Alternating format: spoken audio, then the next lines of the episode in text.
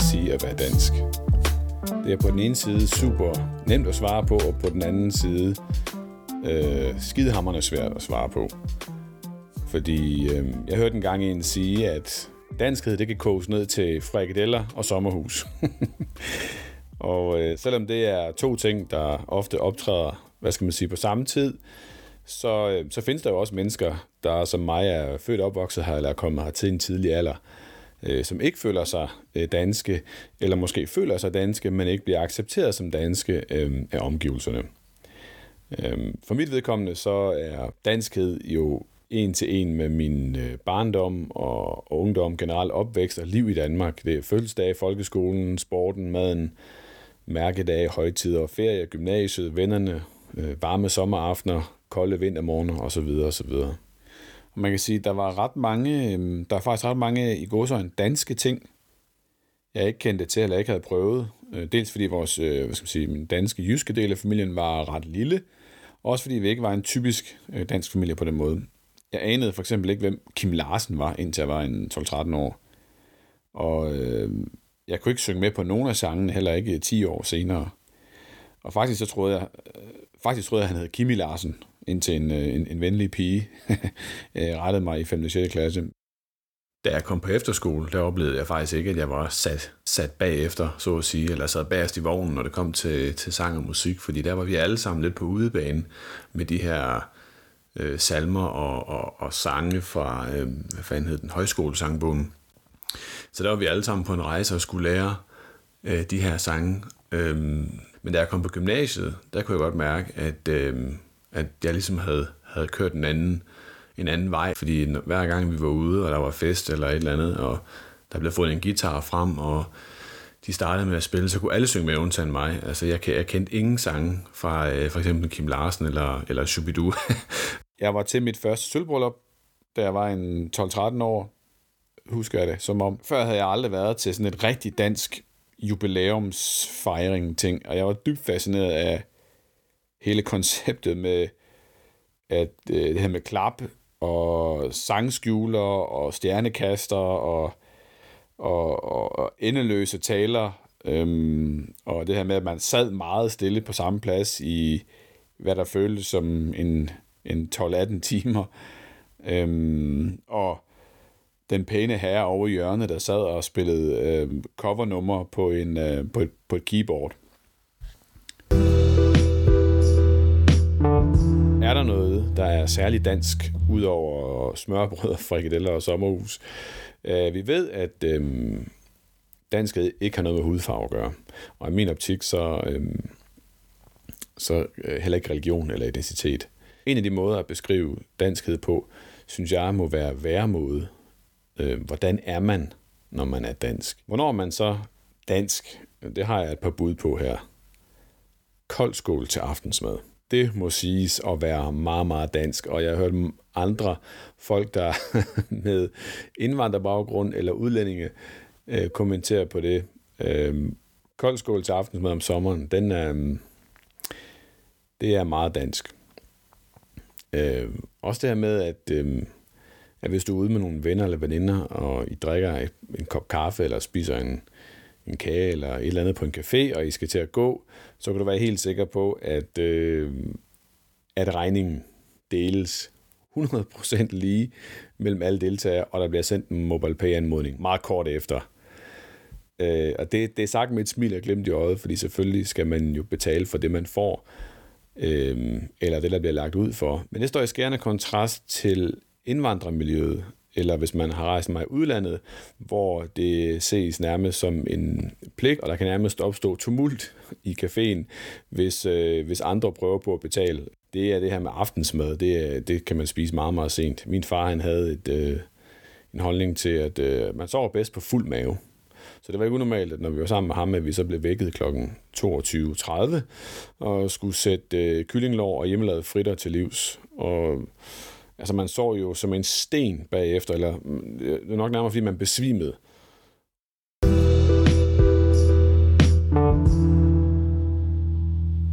Jeg har tidligere talt om i min podcast, at jeg ofte ikke følte mig helt dansk, øh, og særligt ikke, når jeg kom tilbage fra min, øh, fra besøg hos min far. Men der var så, der var, øh, så sandelig også episoder, hvor jeg følte mig rigtig dansk og følte mig meget på fremmed grund sammen med min far. Der var for eksempel en episode, da jeg var omkring måske 10 år, måske en lille smule ældre. Der, der lavede min far øh, gadeteater og, øh, og opvisninger, øh, for eksempel på, på skoler. Og jeg kan huske, at jeg synes, at han nogle gange var, var, var sådan, lidt, sådan lidt pinlig, og min far havde ikke rigtig noget filter.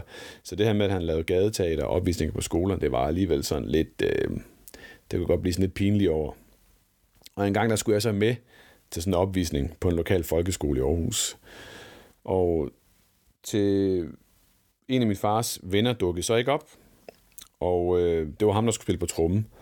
Så min far han sagde, at jeg må styre trommen, og øh, så vil han bare lige danse lidt rundt med en maske på øh, foran børnene. Okay, fint nok, tænkte jeg. Det var, det, var, det var måske ikke så slemt. Men da det så startede, så smed min far alt tøjet, undtagen et par underbukser. Han tog sådan en maske på af gips, der var malet i alle mulige farver. Jeg fik øh, stukket øh, bongotrummen i favnen, og pludselig begyndte min far at danse som en øh, besat, som om øh, der var sådan en vepsesværm omkring ham, og, og nede i hans underbukser, hoppede og dansede rundt. Jeg sad på sidelinjen og hamrede febrilsk løs på trummen i, sådan, i en rytme, der nogenlunde matchede øh, hans, hans vilde bevægelser. Og jeg kan huske, at jeg var ildrød i hovedet, og jeg var så flov, fordi børnene øh, så meget skræmt ud, og de trak sig sådan tilbage og gispede, når min far han sprang frem imod dem med, med armene ud efter dem. Nå, efter min far havde danset og sprunget rundt i en 10-15 minutter, så, så stoppede han endelig, og øh, så tog han tøjet på. Og øh, så kom nogle af lærerne hen til ham og, øh, og talte med ham. Og jeg husker, at jeg overhørte noget af snakken, og blandt andet var de meget interesserede i at vide, hvad, hvad dansen betød, og hvor havde den sin oprindelse, og, og så videre, og så videre. Og min far, han fortalte med, med, med stor passion en, en lang historie, som jeg aldrig havde hørt før. Og jeg kan huske, at undre mig helt vildt over, at han havde holdt det her hekse, den her heksedoktors side af sit liv hemmeligt. Øh, for jeg havde aldrig nogensinde hørt om det før, og jeg har aldrig hørt historien før. Så da vi forlod, da vi så senere forlod skolen, så, så kan jeg huske, så, så, så spurgte jeg ham, altså, hvad, hvad er det her for noget med det her heksedokteri? Øh, så rystede han bare på hovedet og sagde, at det var en dans, han selv havde fundet på what? Kan jeg huske, jeg sagde. Og så, altså, og jeg spurgte ham, om det hele bare var en løgn. Nej, sagde han. Altså, han var jo afrikaner. Han dansede, og der var en afrikansk tromme. Så han sagde, at folk vidste alligevel ikke noget om Afrika. Så uanset hvad han havde fortalt øh, lærerne eller eleverne, så var de glade, og så havde de købt historien.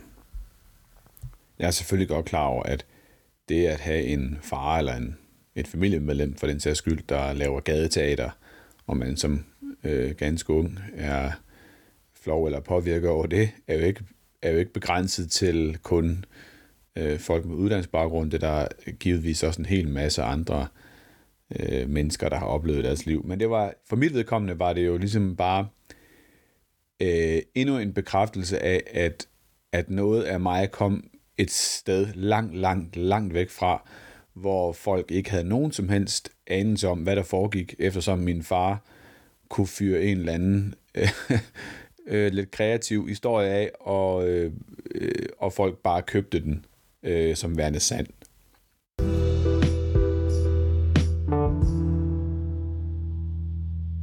Der var som sagt også rigtig mange gange, hvor jeg godt kunne mærke, at min far ikke var dansk eller fra Danmark, og hvor jeg øhm, måske tilbragte mest af min tid i Vestjylland.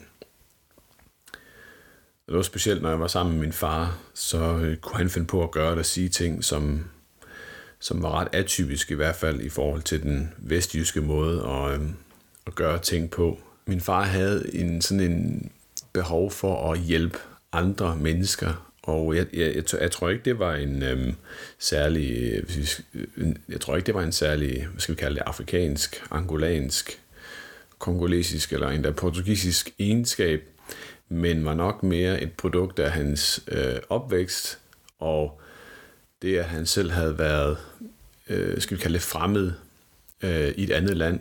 en af min fars venner fortalte øh, en gang, at han var kommet til Danmark for at mødes med en, øh, en pige, som han har skrevet breve med, og øh, de nåede kun at være kærester i et par uger, før hun, øh, før hun smed ham på borden. Det var sådan lidt en, en, en fælles historie for min fars venner.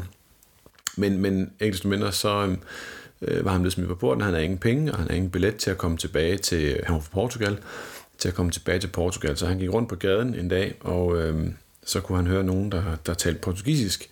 Og der fik han øje på min far og en af hans øh, gode venner. Øh, og øh, han øh, gik så hen til dem og spurgte, om han ikke måtte øh, låne lidt penge, og øh, så han kunne få noget at drikke og spise, osv. osv., osv.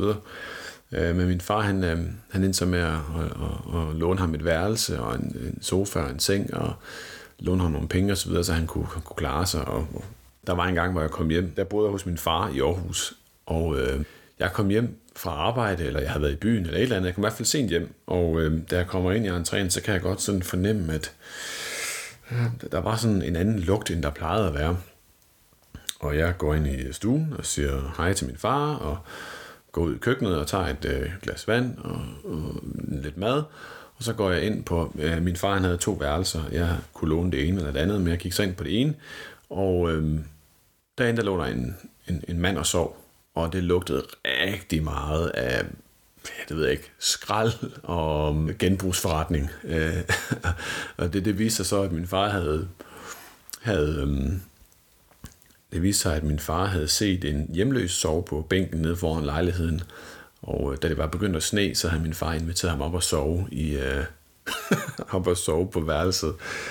Der var også andre episoder, måske lidt mindre øh, ekstravagante, hvor jeg tænkte, at øh, den her, den var sgu ikke gået i, øh, i Vestjylland. Det kunne være, når vi var hjemme og besøge nogle af min fars venner. Øh, det kunne være et helt almindeligt besøg, eller det kunne være i forbindelse med et arrangement.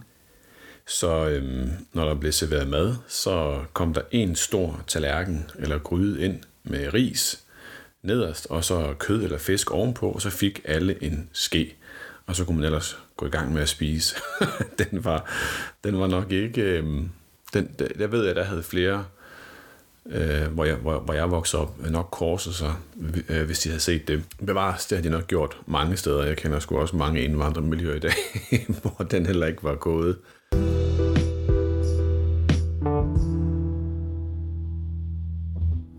Lige en, en lille disclaimer her. Det her det er ikke en videnskabelig podcast, og øh, så alle mine analyser er helt personlige og står for egne regninger osv. osv., osv.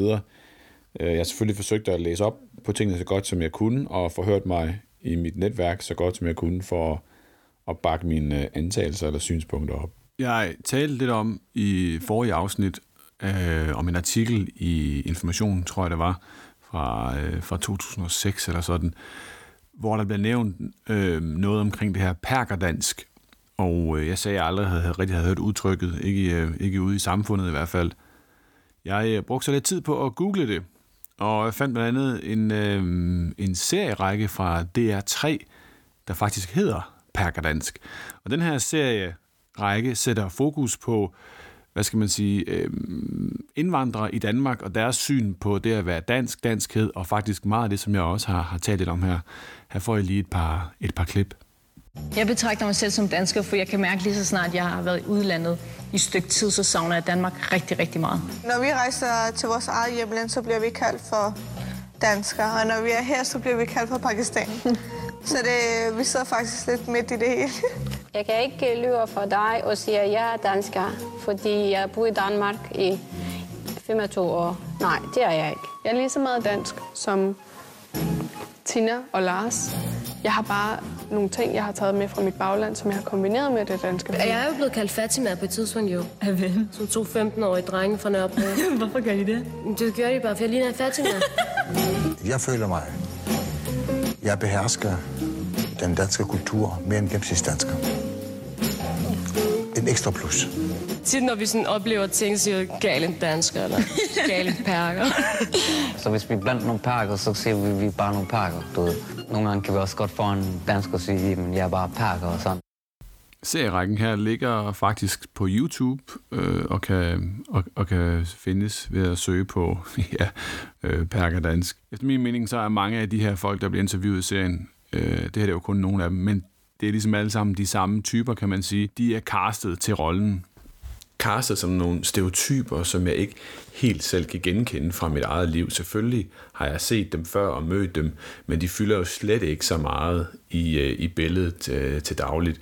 Jeg er tyrkisk gift, og jeg har den øh, baggrund, jeg har, og øh, jeg vil sige, at den gruppe af, skal vi kalde dem perker, er, er noget mere sammensat end øh, de søde mennesker, der er med i, øh, i klippet her. Det er jo helt åbenlyst og også naturligt, at det ikke er alle, der føler sig øh, lige danske, eller hvad skal man sige, danske på samme punkter, som måske andre føler sig danske. Men der bliver også sagt nogle spændende ting i de her klip, og øh, blandt andet så kan vi høre på nogle af, det er særligt øh, kvinderne, at øh, når de er her i Danmark, så føler de sig ikke rigtig danske, men når de er tilbage i deres, skal vi kalde det, hjemland, eller deres forældres hjemland, så føler de sig heller ikke rigtig hjemme der. Og bemærk, at, at at nogle af de folk, der er med i de her klip, de er født og opvokset her, ligesom deres forældre måske er. Og alligevel, så de taler på en helt speciel måde, der er typisk for folk i indvandrermiljøet. Og hvis man går tilbage til en af mine tidligere øh, afsnit i, i serien her, der snakker jeg blandt andet om det her, som jeg på det tidspunkt ikke kendte til, der blev kaldt perkedansk, eller det med, at, at unge mennesker fra samme miljø, de ligesom påtager sig en fælles identitet, uanset øh, hvor de er fra, eller uanset hvor deres forældre øh, kom fra. Jeg er overbevist om, at en kvinde, hvis forældre kom fra øh, Pakistan, har mere til fælles med en etnisk dansk pige fra hendes lokalområde, end hun måtte have med en øh, pige fra eksempelvis Karachi i hendes øh, forældres hjemby. Området, de vokser op i, er bare så definerende, og det kan jeg jo selv mærke på, på mig selv. Og det, at min fars baggrund har fyldt meget i mit liv, og i, i min øh, i forhold til min identitet, så kan jeg også godt mærke, at eftersom jeg har boet og vokset op i Vestjylland, så, så føler jeg, at, at den del af mig fylder mindst lige så meget, og har været og er med til at definere, hvem jeg er i dag, og øh, hvor jeg er på vej hen. Jeg tror i hvert fald på, at for at man kan finde ud af, hvad man er, så skal man vide noget om sig selv, sine forældres øh, baggrund og sin forældres baggrund, fordi vi er jo summen af deres beslutninger. Jeg vil gerne sige tusind tak, fordi du lyttede med, og jeg håber, at du vil lytte med igen næste gang, hvor jeg forhåbentlig har fået en gæst, der kan fortælle lidt om, hvordan det er at have udlandske rødder, eller hvorfor ens forældre valgte at komme hertil. På genhør.